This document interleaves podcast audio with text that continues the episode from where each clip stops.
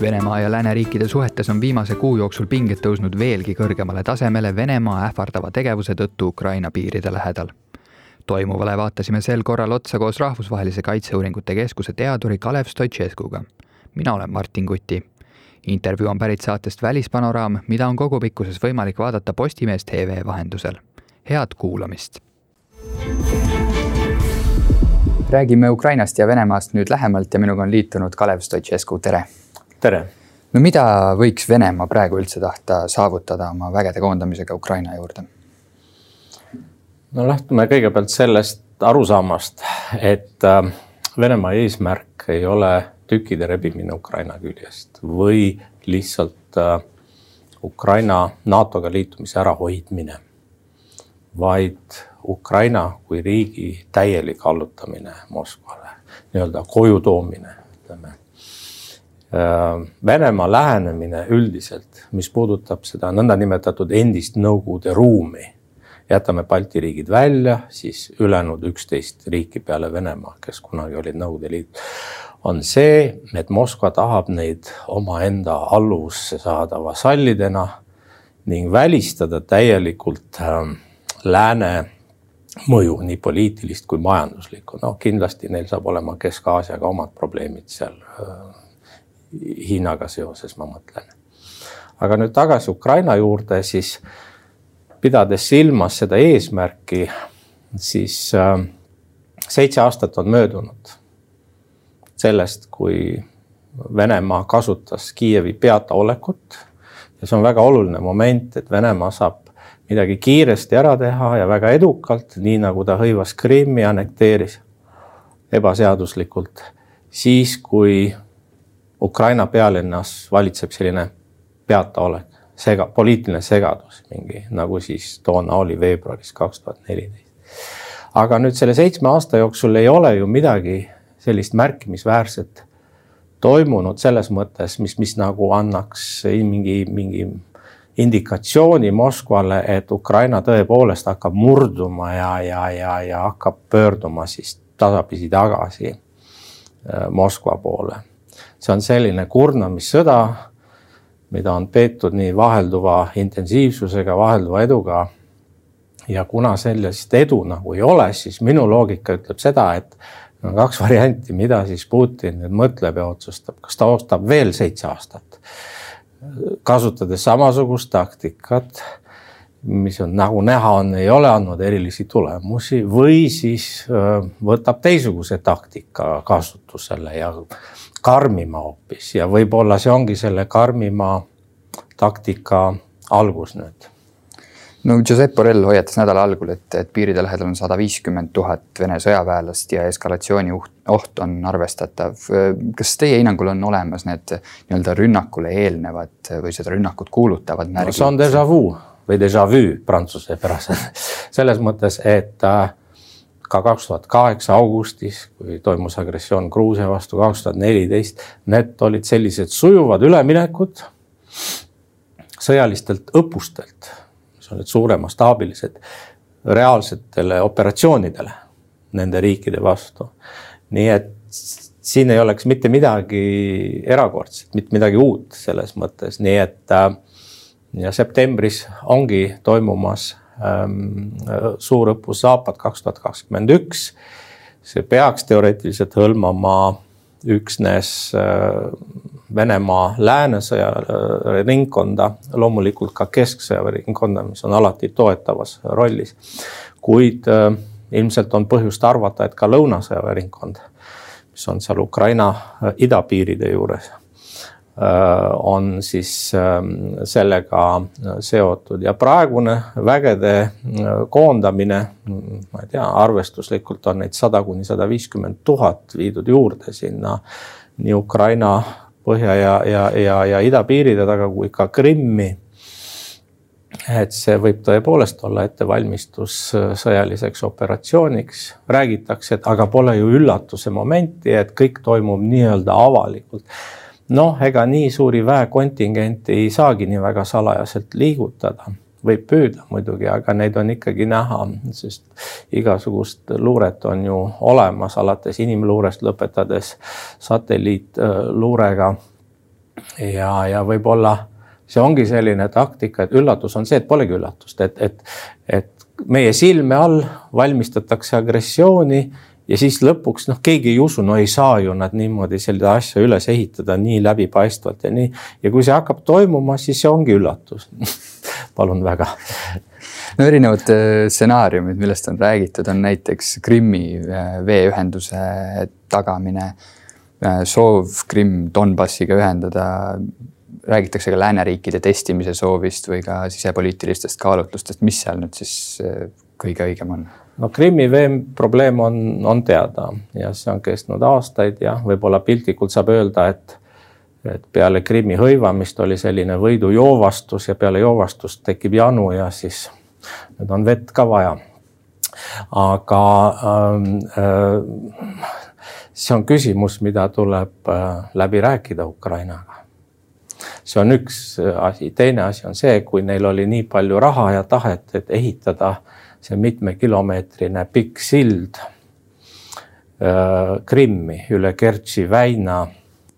ma ei tea, Rooma, vanas Roomas ehitati sadu kilomeetreid viadukte ja toodi vett Rooma linna ja teistesse linnadesse, et kas siis Venemaa ei ole võimeline kuidagi muud moodi vett sinna Krimmi toimetama. loomulikult see vana teekond läbi neid kanaleid Ukrainast äh, otse Krimmi oleks kõige lihtsam ja kõige parem variant, kahtlemata, aga Ukrainal on ka omad õigused ja arvestades, et nad on sõjaseisukorras tegelikult need kaks riiki. siin ei maksa rääkida sellest, et kas sõda puhkeb või, või ei puhke nüüd, sõda käib juba seitse aastat.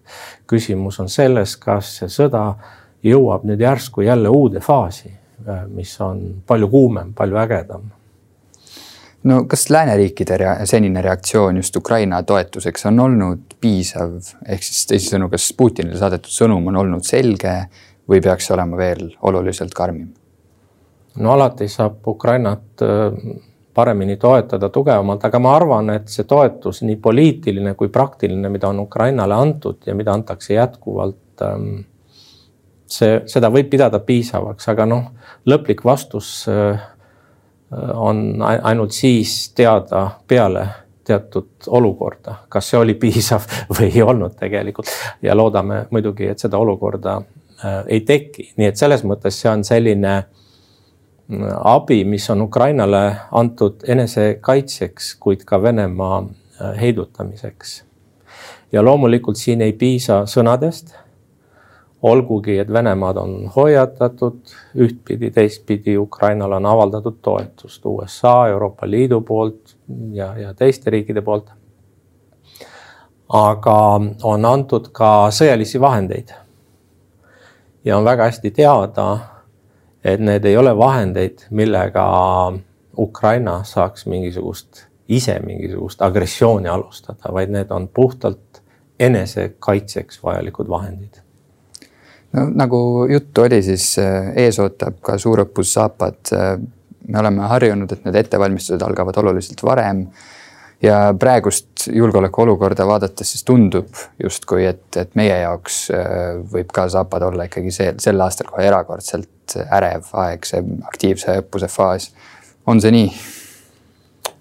jah, ma kasutaksin sellist meedias ebakonventsionaalset sõda, et see, see, see see õppus võib kujuneda meie jaoks erakordselt vastikuks, ütleme niimoodi. ja, ja see on alles algus, sellised suured õppused, neid plaanitakse poolteist, kaks aastat ja nende praktiline ettevalmistus algab vähemalt pool aastat enne aktiivset faasi, mis tänavu toimub siis septembri keskel. nii et see oli loogiline, et märtsis ka algasid või märtsi lõpus, aprilli alguses. nii et seda võib pidada Zapadi selliseks sissejuhatuseks, proloogiks, kui, kui soovite ja, ja võib noh, aga samas ei saa välistada, et äh, mingid asjad, ütleme, sõjaline tegevus, sealhulgas äh, Venemaa poolt Ukraina vastu võib hakata toimuma veel enne Zapadit äh,. ma arvan, et et äh, Venemaal ei ole mingisugused kindlad tegevused, kindlad kaotused, kindlad kuupäevad paika pandud. on, on mingisuguste tegevuste spekter paika pandud, mingi diapasoon, kust maalt kuhu maale võib minna ja, ja mida reaalselt teha ja saavutada. kuid iga päev, iga nädal tehakse uusi otsuseid sõltuvalt sellest, milliseid käike teeb lääs ja nii edasi. praegu ma arvan, et läänemaailm teeb targasti, et et näitab sellist otsustavust ja, ja tugevust ja see teoreetiliselt peaks Venemaad äh, heidutama. no üks teema veel, kus oleks vaja otsustavat ja, ja tugevat käitumist, on siis Tšehhiga üles, Tšehhiga seoses üles kerkinud see, et äh, Tšehhi tuvastas GRU seotuse laskemoonalao plahvatusega ja saatis välja kaheksateist äh, diplomaatilise kattevarju all tegutsenud Vene luurajat selle peale endine Tšehhi suursaadik Venemaal Peter Kollar soovitas Tšehhil lausa mõelda artikkel viie peale, et äh, kuidas tegelikult äh, peaks teised riigid, lääneriigid siis liitlased Tšehhit praeguses olukorras toetama? ma arvan, et näiteks Suurbritannia on juba Tšehhile avaldust, noh toetust avaldanud. eriti ka sellepärast, et nendel kahel GRU agendil oli otsene seos ka mm, Sergei Skripali ja tema tütre mürgitamisega Salisbury's Inglismaal, nii et. Äh, ja nagu näha on, USA saatis välja hulga diplomaate, Poola, nüüd Tšehhi ja see nimekiri ei pruugi olla veel lõplik. Nii et see on selline vastureaktsioon nagu riikidel läänemaailmal hakkab nagu noh, mõõt täis saama, ütleme teatud mõttes sellest. sest, sest ütleme, see Venemaa mitte ainuüksi luuretegevus, vaid ka provokatiivne käitumine. Tšehhimaal oli ju ilmselgelt tegemist sabotaaži aktiga, kus inimesed kaotasid elu veel. et äh, et see on isegi kõrgemal tasemel kui Venemaa poolt, kui, kui oli külma sõja ajal. nii et selles mõttes äh, president Putin on lasknud FSB-l, SVR-il, GRU-l, kõikidel nendel eriteenistustel noh, vindi ikka mitu korda üle keerata et see, nüüd on küsimus just selles, et kuskohas see punane joon ette tuleb, millest ka Emmanuel Macron eelmine nädalavahetus rääkis, et Venemaaga seoses on vaja punaseid jooni. noh, nüüd on räägitud, et kas sellega jäädi hiljaks või mitte, nende punaste joontega, et meil on seitse aastat sõda käinud. natukene on hiljaks jäädud ja, ja noh, tegelikult, tegelikult poliitikud, eriti punastest joontest ei taha rääkida, sest teine pool kohe automaatselt katsetab seda punast joont, mis talle on ette joonistatud ja, ja kui ei vastata, siis see punase joone noh, mõiste kui selline koheselt devalveerub, nii et. aga noh, ütleme need reaktsioonid näitavadki seda puhast joont, et Venemaa on seda ületanud ja ta peab ilmselgelt äh, korrigeerima oma tegevust. mida ma kahjuks aga näen, on see, et Venemaa mitte ei ole võtnud suuna nagu pingete maandamisele, vaid vastupidi eskaleerimisele et pingeid veelgi kasvatada, nii et eks elame-näeme, kui kaugele nad on valmis äh, minema. no Aleksei Navalnõi küsimus on ka Putini jaoks kindlasti vägagi tülikas, et see ei ole enam ammu ainult Venemaa siseasi, pigem see on rahvusvaheliselt tähelepanu saanud ja Navalnõi kohta oleme kuulnud, et tema tervislik seisund on, on halb ja noh, tegelikult me võime öelda, et opositsiooniliidri elu on Putini kätes praegusel hetkel, et milliseid tagajärgi võiks Putinile tähendada see, kui Navalnõiga peakski juhtuma kõige hullem ja ta peaks vanglas äh, surema? no loodame kõige paremat, et, et Aleksei Navalnõi elu äh, ohus ei ole ja ta jääb ellu ja teie tervise juurde.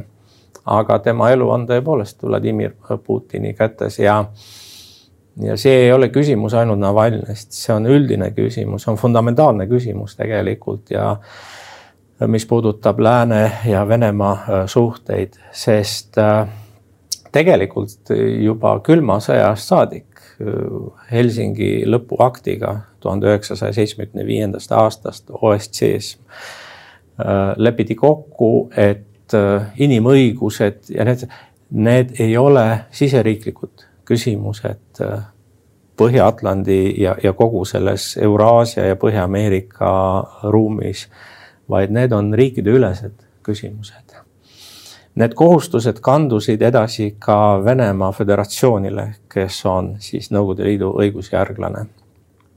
ja Venemaa ju lisaks veel liitus ka Euroopa Nõukoguga ja teiste institutsioonidega, kus ta võttis endale samuti kohustusi järgida demokraatia printsiipe, õigusriiki, siis äh, inimõigusi ja, ja, ja nii edasi, meediavabadust, mida kõike.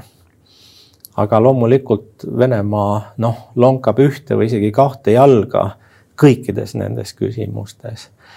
ja siis, kui tähendab, igal riigil on õigus, äh, Euroopa Nõukogu või OSCE riigil on õigus kritiseerida teist riiki siis, kui on näha, et äh, teine riik nagu noh, nagu eemaldub demokraatia, õigusriigi ja, ja inimõiguste põhimõtetest ja nii.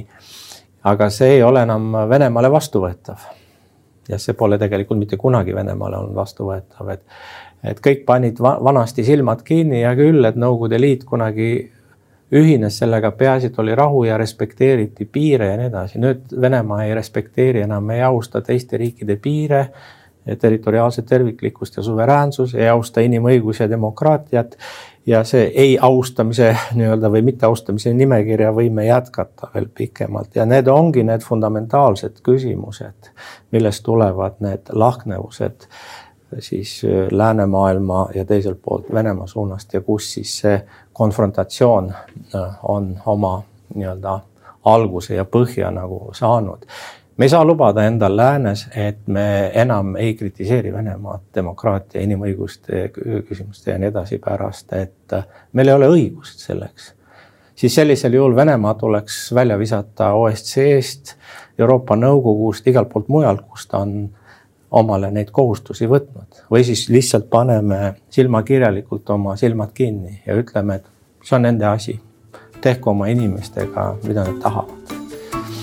Aga mina tänan selle huvitava vestluse eest.